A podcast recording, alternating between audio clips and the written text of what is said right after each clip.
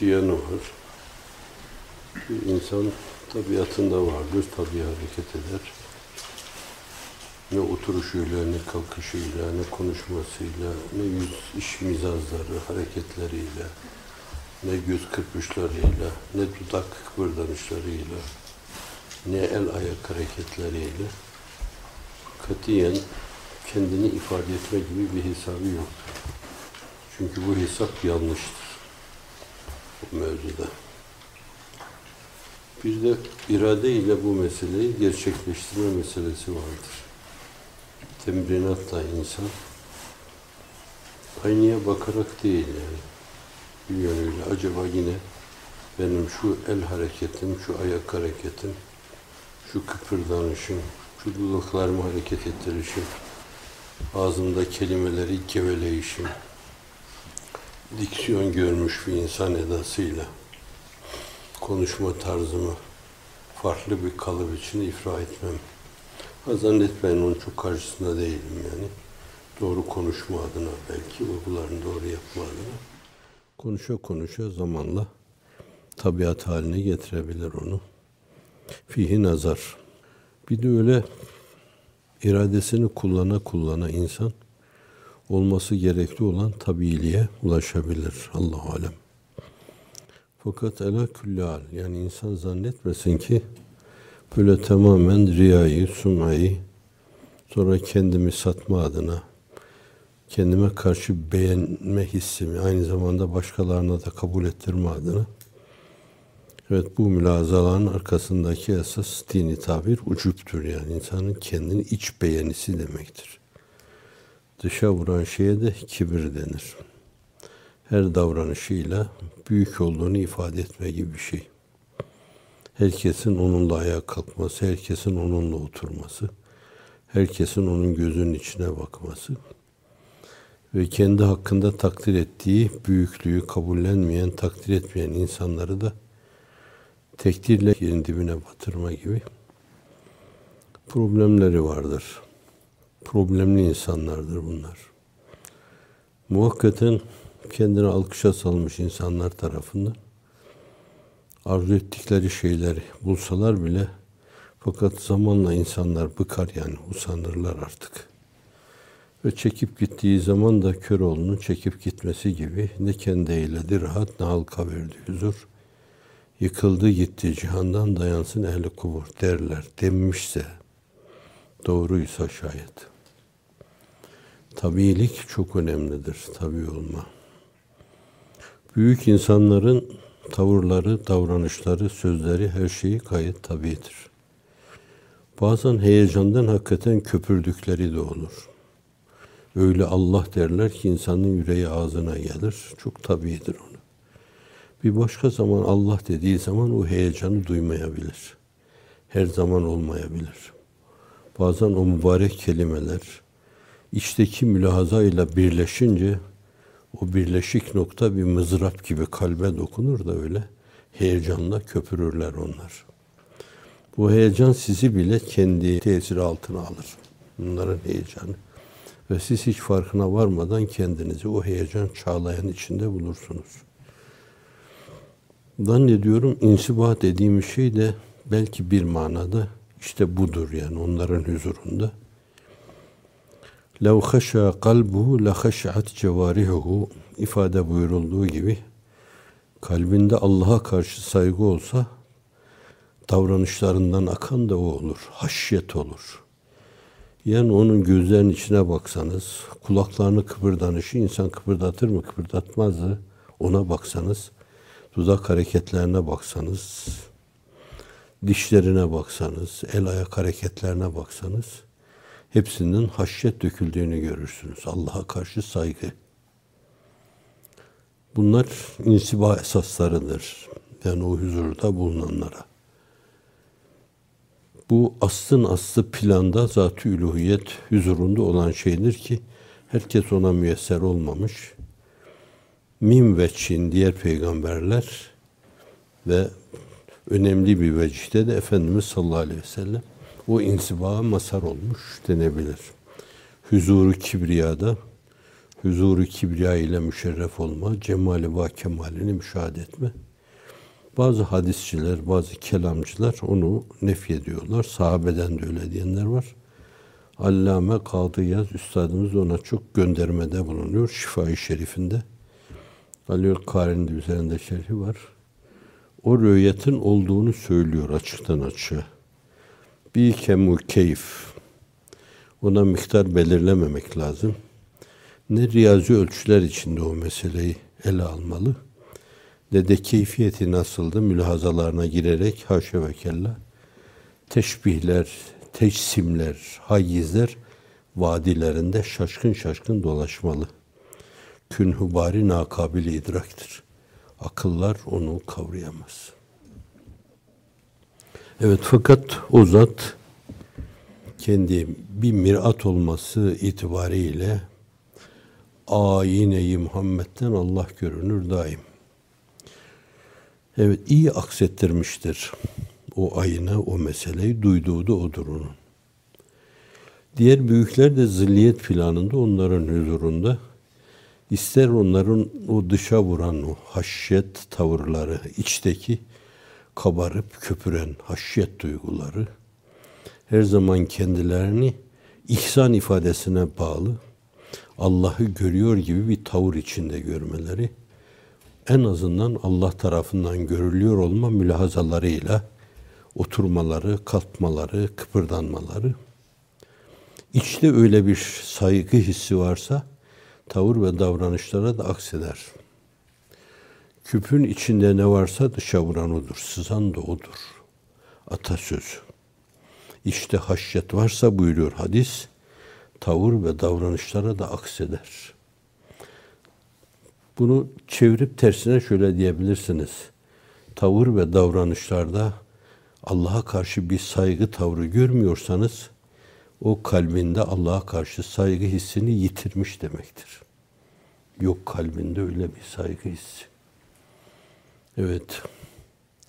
İnsibağın madeni de temelde, menhelül azbul mevrudu da temelde budur esasen.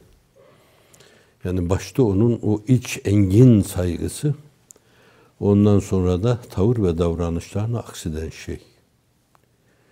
O namazda daha bir derin hal alır, daha bir bütünleşir ki ve tekallubeke fis sacidin diyor Kur'an-ı Kerim. O ruhu seyyidül enamın secde edenler arasında secdede nasıl kıvrım kıvrım kıvrandığını Allah görüyor diyor. Nasıl kıvrım kıvrım kıvrandığını mübarek dilinden lalü güher şeklinde dökülen kelimeler kalbinin sesi soluğu. Bir kere de bütün harici ve zahiri havasına dokununca adeta yeni bir ses halinde yükseliyor. Vicdanından kopup geliyor onlar. Bu defa kulak yoluyla bütün havası zahire ve batinesine bir kere daha kendini duyuruyor. O sürekli hem bir anil merkez his ve heyecan içinde bir de ilel merkez his ve heyecan içinde. Bu mülahazı hiç aklıma gelmemişti. Evet öyle. Ve tekallübeke fis sacidin. Gören o, duyan o, bilen o. Onun karşısında öyle olmak lazım.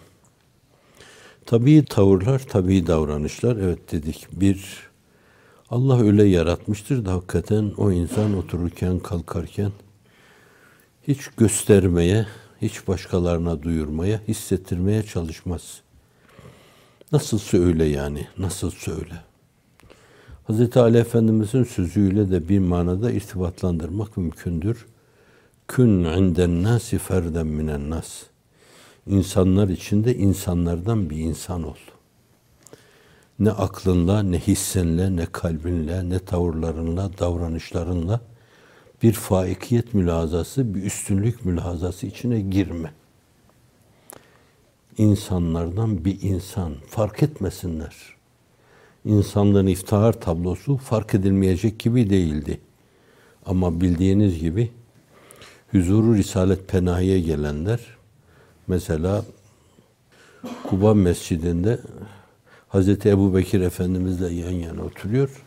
Demek ki çok ciddi bir benzeyiş var. Çünkü Hz. Ebu Bekir Efendimizin şemailine dair Efendimizin şemaili gibi böyle net bir şey ortaya koyduğunu bilmiyorum. Bazı şeyler söyleniyordu. Sesiyle, soluğuyla, konuşma tarzıyla, hitabet gücüyle.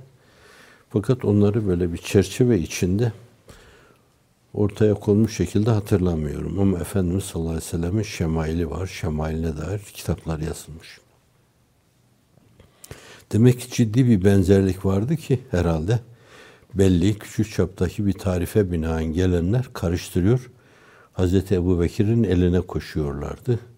Oysa yanındakini işaret ediyordu. O kadar insanlardan bir insan durumundaydı. İnsanlığın iftihar tablosu. Meleklerin kendine karşı saygı duydukları insan. Gör bunu. Evet. Bedevi Mescid-i Nebevi'den içeriye giriyor. Efendimiz sallallahu aleyhi ve sellem ashab-ı kiram içinde adeta öyle kaynamış onlarla, öyle bütünleşmiş ki tefrik etmek mümkün değil yani. Oysa işin doğrusu tefrik edilmemesi mümkün değil. Onun tavrı, mahiyeti, hususiyetleri, dışa vuran, büyüleyici onun o görüntüsü kendisini ele verecek mahiyette ama içeriye giriyor adam. Abdülmuttalib'in torunu Muhammed kim diyor orada. İnsanlığın iftihar tablosu benim diyor. Sen böyle diyormuşsun, böyle diyormuşsun. Onun detayına inecek değilim yani. Fakat onun insanların içinde insanlardan bir insan gibi kendini öyle görmesi, öyle düşünmesi ve öyle algılanmasını istemesi. Bu da önemli. Öyle algılanmayı isteme. Varsın beni böyle tanısınlar meselesi. İşte tabii, tabii insan belki serkarı odur. Sadece Cili'nin dediği gibi insan-ı kamilunda değil de her halinde tabii insan olmada da insanı kamil o. Konuşmada insanı kamil. Beyan sultan olmada insanı kamil. Allah'a yakınlıkta insanı kamil. Kulluğu kamilane eda etmede insanı kamil. Büşra lena maşerel İslam inne lena minel inayeti rüknen gayre minhedim. Ümmeti Muhammed'e müjdeler olsun. Öyle bir sütuna dayanmışlar ki yıkılma ihtimali yok onun. İşte öyle birisi o. Muhammedun seyyidül kevneyn vel ferikayn. Evet. Tabiattan gittik. Hasbunallah ve ni'mel vekil diyelim. Evet. Siz ne derseniz deyin. Ben meseleyi tabiata bağladım da. Riyasızlığa, ucupsüzlüğe, kendini belli etmemeye, daha doğrusu tek kelimeyle ifade edersek bir koltuğa kurulup benim gibi ukalalık yapma değildi. İnsanlar içinde bir insan gibi oturup kendini belirsizliğin mahkumu yapma. Estağfurullah. Şemaili ile, siyeri ile anlatanlardan Allah ebeden razı olsun. İnsanların iftihar tablosu bize anlatılmış. İşin doğrusu onu bile böyle doğru anlayıp, doğru kavrayıp ortaya koyacak durumda değiliz. Zilliyet planındaki o abide şahsiyetler işin doğrusu onları ifade etmek de bize aşan konulardır. Böyle kulak dolması bazılar bahsediyorlar hakikaten.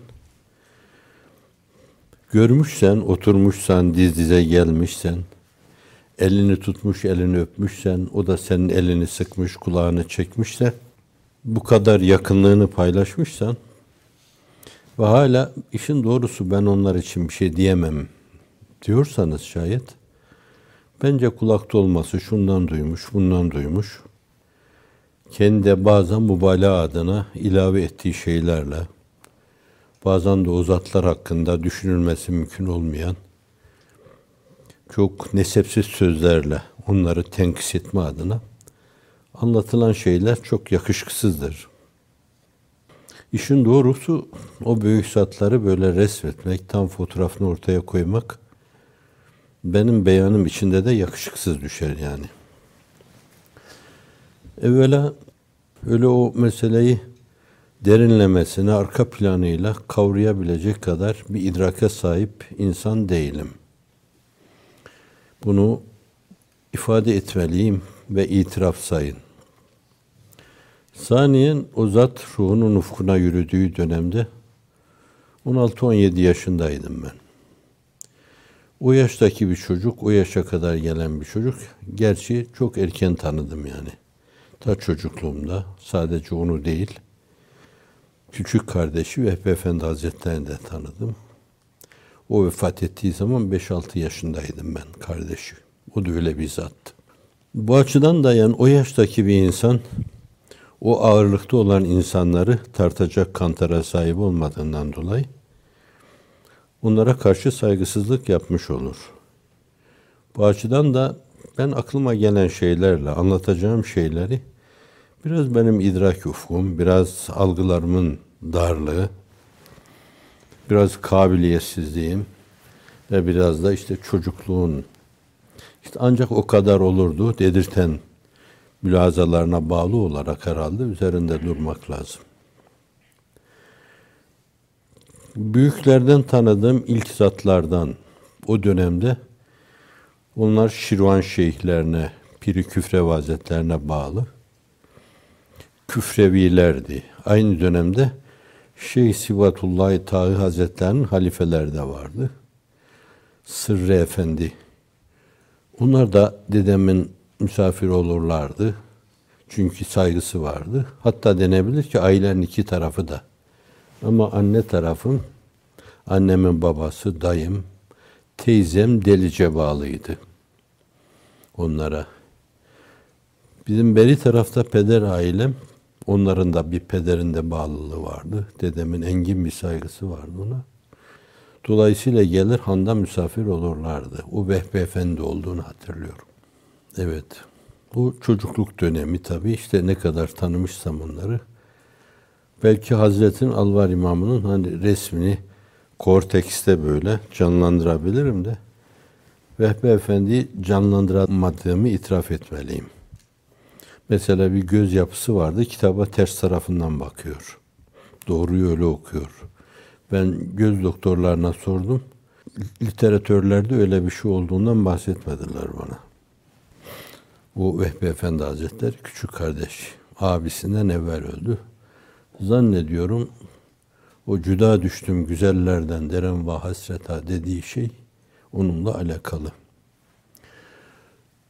Bu açıdan ister tağilerden isterse küfrevilerden bu iki zatı tanıdım ama fakat rahmetlik pederin daha çok alaka duyduğu Alvar İmam Hazretleri olduğu için babama evladım Ramiz dediği için ve kendi 39'da ayrılmış. Hani ben belki işte bir yaşındaydım o zaman. Prostatından dolayı Erzurum'a gitmiş. Daha yakından hekimler baksın diye köyde yok. Uzun zaman başkalar imamlık yapmış. 40'lı yılların sonuna doğru da babamın o köye Alvar'a imam olmasını kendi istediği için evladım Ramiz diye Dolayısıyla benim için de bir şeref oldu yani o zatı ister Erzurum'da görme Erzurum içinde isterse her bayramda bazen farklı zamanlarda da teşrif ettiğinde hem nakşi hem kadir olduğundan dolayı bazen hatme hacekan bazen de halkayı zikir ikisi de olurdu. O eski caminin içinde o cami hala antik cami diye zannediyorum koruyorlar.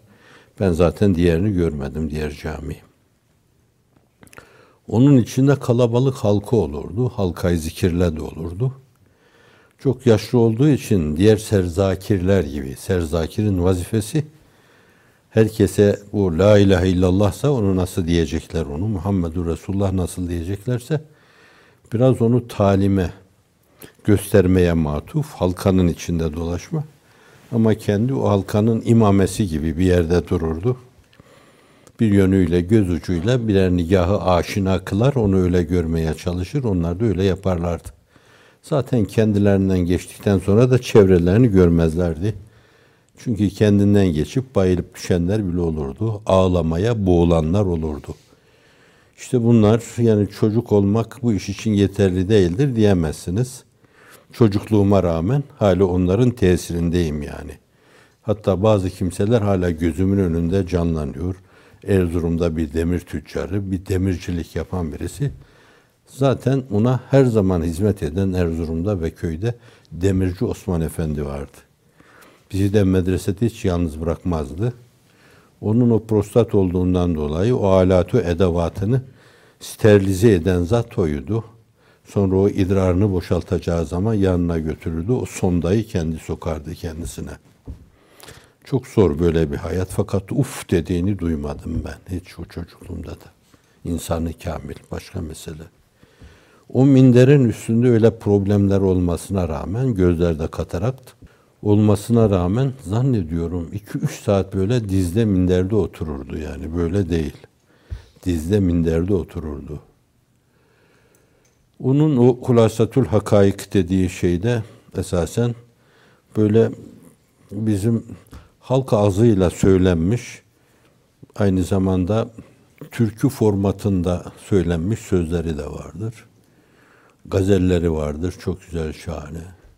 Naatlar vardır, münacatlar vardır. Zaten başına baktığınız zaman da orada silsile-i zeheple alakalı bir şey kendine ve oğluna kadar sıralar onun başında.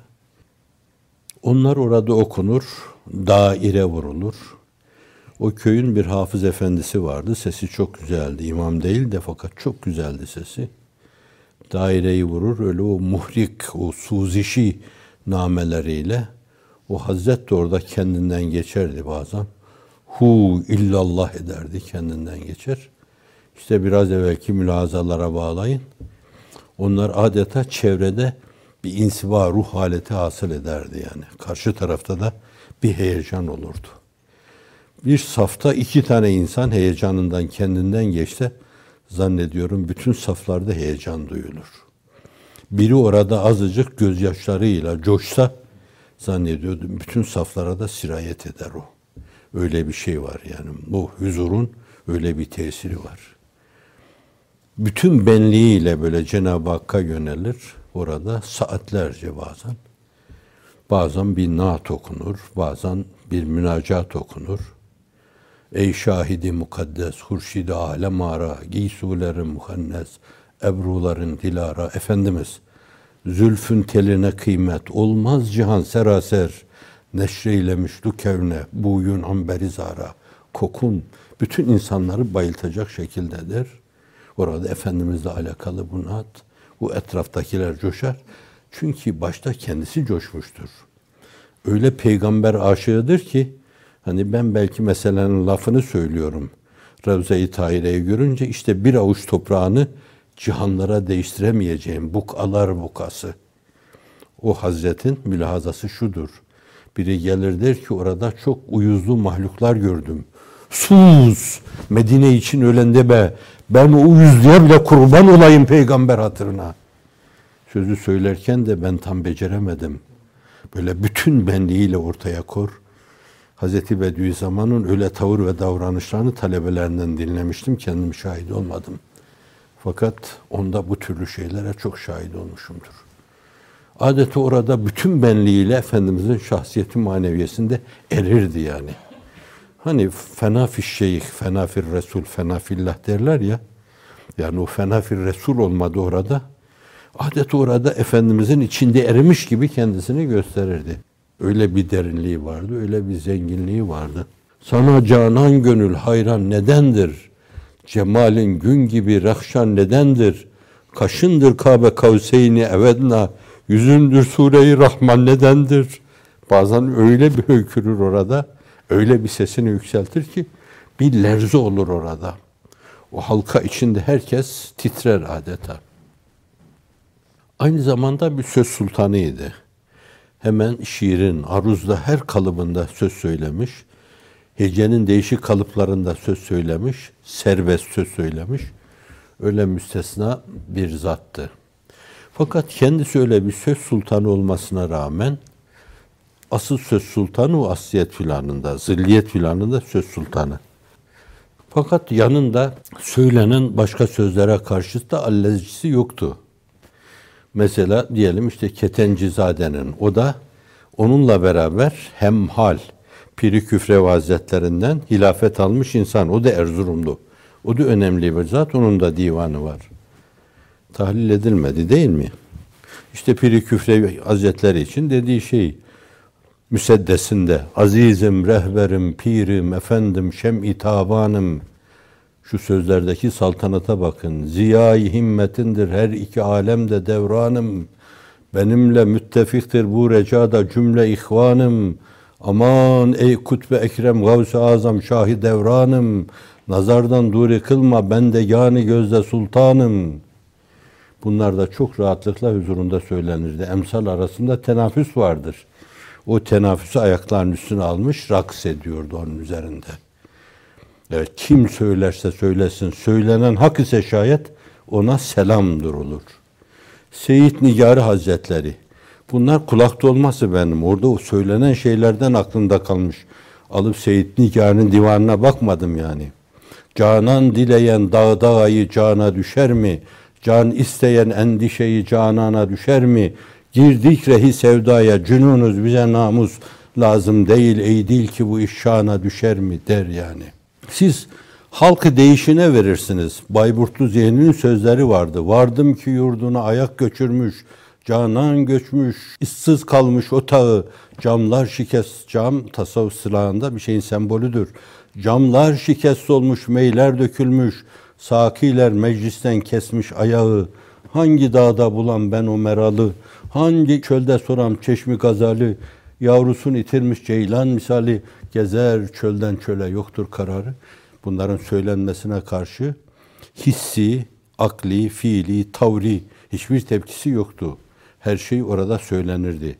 Bu da ayrı bir kemaldir yani onun ayrı bir kemalidir. Hatta Füzuli'nin o edebiyat kitaplarında olan hani beni candan usandırdı, cefadan yar usanmaz mı? Felekler yandı ahımdan muradım şemi yanmaz mı?'' Kamu bimarına canan devayı derd eder ihsan. Niçin kılmaz bana derman beni bimare sanmaz mı? Şebi hicran yanar canım, döker kan çeşmi giryanım. Uyarır halka efkanım, kara bahtım uyarmaz mı? Füzuli rindi şeydadır, hemişe halka rüsvadır. Görün kim bu ne sevdadır, yar sevdadan usanmaz mı? Bu sevdadan da derlerdi, bu sevdadan usanmaz mı? Kulak dolması, bellediğim şeyler bazılarında yanlış söylemiş olabilirim. Bütün bunlar orada terennüm edilirdi. Kendi malı gibi bütün bunları, kendi muhassalayı efkarı gibi bütün bunları alkışla karşılar. Ve hepsinde adeta insanlara cezbeye gelir, bir cezbe yaşatır ve herkes kendinden geçerdi. Evvela yani onun ufku, düşünce dünyası, ruh dünyası, his dünyası adına böyle bir şey. Onu arz edeyim ben. O kemalatını Piri Küfrev Hazretleri de keşfetmiş ki bilmem ki onu anlatılmaz mı? Çünkü o kendisinin anlattığı şey esasen. Babası Hüseyin Efendi. O, onlar Kındık'a yerleşmişler. Evladı Resul'den. Soyadları o dönemde Kındık'ıydı. Sonra değiştirdi. Mazlumoğlu filan diye bir soyad aldılar. Rahmetlik onun torunu benim hocam da Arapça hocam. O da onun adı da Sadi Kındık'ıydı yani. O köyün adıydı bu. Orada Hüseyin Efendi beraber kalkmış gitmişler bir Küfrev Hazretlerine bir referansla. Ve gittikleri gün de Hazret onlara çok iltifat etmiş. Hem babaya hem de oğula. İkisine de Hazret belki öyle hemen çar çabuk. Yani görmeden, etmeden, test etmeden, bir yönüyle belki bir seyri sülûki ruhaniden geçirmeden, bir çile haddesinden geçirmeden hemen öyle bir endazeye vurmadan hilafet verilmesi meselesi söz konusu değildir ama yine onun sözüdür. Perişanım bugün cana perişan olmayan bilmez. Cevahir kadrini cevher furuşan olmayan bilmez. Sarraf değilsen altından anlamazsın ki, gümüşten anlamazsın ki anlıyor. Piri Küfrevi de öyle anlayan birisi. Onlara hilafet veriyor hemen. Yani siz halkı irşad edebilirsiniz.'' E, senelerden beri eşik aşındıran o dergahta bir sürü müridan var. Bunlar ihtimal ki kapalı biraz güftügü ediyorlar orada. Belki biraz da o doğuda en mükemmel insanlarda bile vardır. Yani benim de çok sevdiğim bir insan doğuda bir huydur böyle. Ben Arapça okudum dersen seni sarftan neften bir güzel imtihan ederler. Bu zatlar da yani siz hakikaten bu mevzuda bu konumu ihraz ettiniz mi etmediniz mi diye bir imtihana tabi tutuyorlar. Gece yarısı birdenbire küt diye kapı arkasına kadar açılıyor. Kollarına girmiş iki tane müridi getirmiş oraya. Belki de oğulları Abdülhadi, Abdülbaki Hazretleri. Abdülbaki Hazretleri oğlu, büyük oğlu Eyüp mezarlığında Zübeyir abinin mezarlığına giderken sağ tarafta gömülüdür. Kapı açılıyor orada. Şöyle sesleniyor, öyle derlerdi. Mollalar, mollalar. Mehmet Efendi'nin, Hüseyin Efendi'nin bana ihtiyacı yoktu. Onları kemalatı buraya getirdi. Der yani. Kemal ehli kemalatı kemaliyle buldu hep. Kemalsız bir faydadır fiddevuzi hep. Karun'un hazineleri ölçüsünde altının olsa ne ifade eder kemalin yoksa? Kemal ehli bir anda birdenbire amudi olarak onların yükselmesine kemal ehli olduklarından dolayı vesile oluyor. İrşatları da öyle amudi olarak olmuş. Hilafetle serfiraz kılınmaları da öyle amudi olarak olmuş. Bu açıdan da istifade edememiş bir insan olarak fakat tanımış olma da bir şey ifade ediyorsa ondan kendim bahtiyar sayıyorum. Onu da babama borçluyum. Babam o köyde imam olduğu için babama borçluyum. Bu açıdan da o hazret tenezzülen benim hakkım değildi. Bana hep talebem dedi. Ben oturup önünde ders okumadım. Torununda ders okuyordum. Bana talebem dedi. Burada bir hikaye anlatayım mı size? Benim çok güzel bir arkadaşım var. Daha hayattadır. Çocuğuz tabii. Yani 14-15 yaşında bir çocuğuz. Bana dedi ki İstanbul'da öyle dergahlar, öyle medreseler var ki çocuk tabii kanabilirsin burada. 6 ayda Allah'ın izniyle seni evci kemalatı vaaz nasihata çıkarıyorlar. Yahu iyi kestirmeden vaiz olalım filan dedik yani. Ben de ne hocama söyledim ne de başımın bağlı bulunduğu o Hazrete sordum yani o meseleyi. Hala bu şey gibi çekmece gibi bir şey yani çanta değil çekmece. Müseddes bir şey. Bizim biraderim Salih Efendi'nin evinde hatıra abisinin çekmecesi olduğu için saklıyor. Bunun için eşyalarımı koydum. O arkadaşımla, akıllı arkadaşımla beni ikna ettiğine göre akıllı demek. İstasyona koştuk. Fakat bu arada Alvar İmam Hazretleri'nin o kardeşi Vehbi Efendi'nin torunu da benim talebe arkadaşım. Seyit Efendi'nin oğlu o da. O hemen haber veriyor gidip. Bizim akrabalara, babamın teyzesi çocuklarına haber veriyor. Ben tam böyle istasyonda gişeye yanaşmışım. Bileti alacağım sırada birdenbire işte abim de diyebileceğim babamın teyzesinin oğlu bileğimden tuttu benim. Bunda tabii bilet alamadık. Tuttu beni getirdi geriye. Bir onun küçük kardeşi geldi o gün yüzüme tükürdü benim. Tuh sana dedi ulan filan. İyi sağ olsun. Teşekkür ederim. Bir de ertesi gün hoca dedi ki Efe seni istiyor. Alvar İmamı Hazretleri seni istiyor. Ben işte böyle güçlü bir şey karşısında titreyen bir av gibi.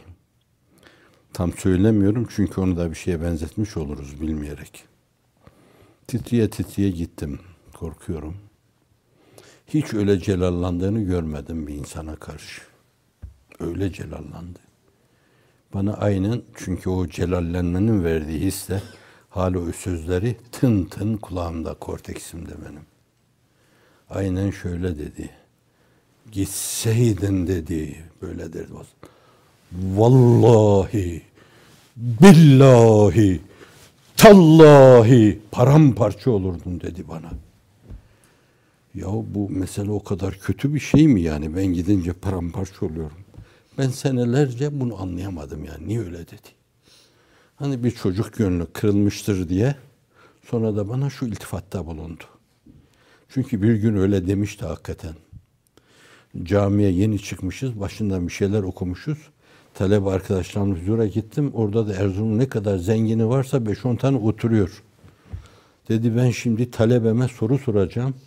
Bilirse o medreselerin ihtiyacını görüyor ya. Hepiniz ona işte şu kadar para vereceksiniz. Miktar aklımda değil şu anda. Mübarek ben camide nereyi en iyi biliyorsam oraları sordu bana. Çocuk ben de hepsini şakır şakır söyledim. Bunlar da pesend ettiler. Gördünüz mü dedi benim talebemi. Şimdi çıkarın bunlar. Çıkardı o bir şey verdi, o bir şey verdi, o bir şey verdi. O günün parası. Zannediyorum 200 lira kadar bir şey oldu yani. İnsan hacca gider o parayla. Görmediği için kendisi katarak dedim. Bana sordu ne kadar oldu dedi. Efe dedim 200 lira oldu. O sana çok dedi. Onu sen bana ver dedi. Ben Hacı Osman'a, Demirci Osman Efendi vereyim dedi. O medreselerin ihtiyacını karşılasın onunla. Evet. Es-sebebü kel fail. İnşallah sevabı bize de olur. Şimdi ben seni dedi o dershaneye onbaşı yapmışım. O hiddetli anında da hani kırılmış gönlüm, çocukluk gönlü kırıldı diye kamil insanların hali başkadır. Sen zannediyor musun dedi. Ben seni sadece o medreseye maddi onbaşı yapmışım. Ben bir taraftan o itapla böyle sarsılmış. Diğer taraftan da demek ya o adamın onbaşısıymış yani böyle dünya çapında. Bir serkarın onbaşısı olmak ne büyük bahtiyarlık.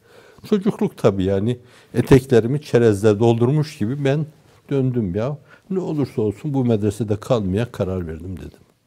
Böyle iç okuyan ve insanın durumuna göre, insanı çok iyi okuyarak ona göre muamele yapan birisi. Zamanla hitabının manasını biraz anlar gibi oldum ben. İstanbul gibi böyle derin bir deryada erir giderim mülazası olabilir. Tek başına bir çocuk. Bir de kendi ikliminden kopup gitme mevzu o Hazretin. Onun o nur halesinden çıkma, kaybetme vesile olabilir. Bir de biraz içinde bulunduğunuz alem itibariyle sizi başka bir şey için hazırlamışsa şayet, düşünüyorsa şayet, o başka tarafa gittiğinizde şimdi olmak istediğiniz yerde olamazdınız. Evet. Sonradan bunlar aklıma geldi benim. O Hazretin itabındaki sertliği, o hışmını, hışım gibi tavrını dolayısıyla da yani şimdi iyi ki öyle yapmış falan diyorum. İyi ki öyle yapmış, siyanet etmiş. Bu kendi serasını almış ve korunmuş. Cenab-ı Hak Habibi Edibi ile Firdevs'inde beraber haşrü neşeylesin. Gözü açık bir insandı. Gözleri görmediği halde kasemle teminat veririm. Huzuruna yerde bir minderin üzerinde otururdu tekkedeyken. Köye geldiğinde öyle bir rahle olmazdı. Rahle de olurdu. Yemek verirken de o rahlerin üzerine korlardı, öyle yerdi. Katarak olduğundan dolayı net görmez. Sadece herhalde buğulu, karartıları seçiyor gibiydi. Fakat nasıl bir insandıysa şayet, mesela elini tutup öptüğünüz zaman da bilirdi sizi söylerdi. Nefesinizden mi, kokunuzdan mı, elinizin yapısından mı, yoksa bazen kulağını tutar çeker ondan mıydı? Mutlaka tanırdı, sen şusun derdi. Bilemem kaç defa öyle tanıdığını. Yani bir de böyle bir iç okuyan hali vardı. Diğer bir şeyi daha söyleyeyim. Böyle bir gün o medresede benim üç gün, dört gün bazen hilaf olmasın ekmek, peynir bile bulamadığım an oldu. Bulamadığımız fakru zaruret içinde okuma vardı. Babanız gelir bir imamlıktan size beş lira verir. Ölçüsüz kullanırsınız onu. Ondan sonra ekmek alacak paranız kalmaz. Ekmek aldığım fırının önünden geçerken 20 gün geçmeye cesaret edemediğimi biliyorum çünkü borç yığılmıştı. Böyle bir dönem. Öyle yine bir açlığın beyne vurunduğu dönemde arkadaşlarla kalktık. Onun o kardeşinin torunu da Tayyip Efendi. Yakın tarihte hala hayattaydı. inşallah hayattadır talep arkadaşım. Beraber gittik. 3-4 arkadaş. O tekkesi esas bir ahırdan çevrilmiş. Ahırın odası tekke yapılmış. Diğer yerler boş bir şey gibi. Orada lobi gibi bir şey olmuş. Bir de yanında samanlık var. Orayı da kiler olarak kullanıyor. O kilerin böyle deliğinden içeriye baktık. O kendisi içeride namaz kılıyor. Kapı kapalı. Böyle gözümüze karpuzlar ilişti orada. içimizde akmıştır yani Allah bilir. Ben şimdi şu anda o anda akan içimi şu anda keşfedemiyorum. Biraz sonra hemen kapıyı açtı. Çocuklar dedi siz buraya gelin de ben size bir karpuz keseyim getirip yedireyim falan. Evet. Böyle ufu açık, engin bir insandı. Rahmetullahi aleyh, rahmeten vasiaten. Vefat ettiği gündü. Rahmetli peder de Erzurum'a gelmişti Alvar'dan. Teyzesinin evinde yatıyorduk ama babam da rahmetlik beni göğsüne almış. Öyle yatıyoruz yani. Birdenbire böyle o uykudayken Efe vefat etti dediler. Ben hemen yerimden fırladım. Evine onun Mumcu mahallesinde oturuyordu işte öyle handan evden çevrilmiş bir yer. Orada oturuyordu. Ama oraya gideceğimi Kurşunlu Cami medreselerine geldim. Baktım arkadaşlar ağlıyorlar. Evet, ondan sonra oraya gittim ben. Erzurum'un o şahane 40. Hoca'nın Taftezani dediği müftüsü Sadık Efendi. Buraya gelen o Süleyman Bey'in dedesi anne tarafından. Ve yine Allame Sakıp Efendi. Efendim oğlu uzun zaman Menderes merhumun kalem mahsus müdürlüğünü yapmıştı. Adalet Parti döneminde de milletvekilliği yaptı. O cenazesinde de onlar bulundu. Onlar yıkadılar yani. Yine cevahir kadrini cevher furuşan olan bilir yani onlar. Orada yıkandı ama fakat kış günüydü. Alvar'a götürüldü, oraya gömüldü yani. Bütün millet de o karda, kışta Alvar'a gittiler. O defin hadisesine şahit oldular. Daha evvel babası Hüseyin Efendi Erzurum Dağ Mahallesi eteğinde Dağ Mahallesi mezarlığı vardı. Orada yatıyordu. Orada biz ziyaret ettiğimizi hatırlıyorum. 53'lü yıllarda. Çocuklukta. O işte o 18-19'lu yıllar arasında Ermeni Taşnaksiyonu tarafından Tekke'de sabah namazında namaz kılarken başı dipçikle ezilerek, kanlar içinde bırakılarak şehit edilmiş bir zat. Hüseyin Efendi. Ailece şair yani o da öyle. Mesela der ki ey sakı aşkın oduna yandıkça yandım bir su ver. Düşeli dilber derdine yandıkça yandım bir su ver. Ol suyu kim içse hemen kalbe doğar nuru cihan. Verir hayatı cavidan yandıkça yandım bir su ver. Bak şu gedanın haline mahlası geda. Bak şu gedanın haline ben dolmuş zülfün teline Efendimiz kastedilen şey parmağı aşkın balına bandıkça bandım bir su ver. Böyle çok rahat, şiiriyet çok güzel böyle. Öbür Hazretin o küçük kardeşi de öyle yani. Mesela der ki Gülistani Vehbi Efendi, Gülistani Hidayet Bülbülünden Efendimiz, Gülistani Hidayet Bülbülünden dersin al ey dil gönül. Serindeki saadet sümbülünden dersin al ey dil. Kamu alemleri var eyleyen Allah'a teslim ol. O mihnetkeş Ali'nin düldülünden dersin al ey dil. Bakınca böyle hepsi söz söylemesini biliyor. Hepsi çok aşina. Demek ki o Efendimiz sallallahu aleyhi ve sellemin pak neslinden gelme meselesi ayrıca onlar için böyle o varidat kapılarını açık bırakmış gibi bir şey. Fakat o Hazret bütün bunların önüne geçmiş yani Alvar İmamı Mehmet Lütfü Efendi önlerine geçmiş gibi bir halleri var. İşte o 53 yılında 18-19 düşünecek olursanız kaç sene geçmiş? Mezardan çıkarıldığında bir sürü insan görmüştü. Bir parçası bile çürümemiş Hazretin. Ve götürdü Alvar'a defnettiler onu. Kendi vefat edince de oraya defnettiler. Oğlu Seyfeddin Efendi Hazretleri vefat edince onu da oraya defnettiler. Torunu bizim hocamız Sade Efendi vefat edince o da oraya defnedildi. Hüseyin Efendi'nin defninde ben bulunamadım dediler. Ama Efe Hazretleri'nin defninde sonra hocanın defninde bulundum orada. O mezarda o gömülmede bulundum orada.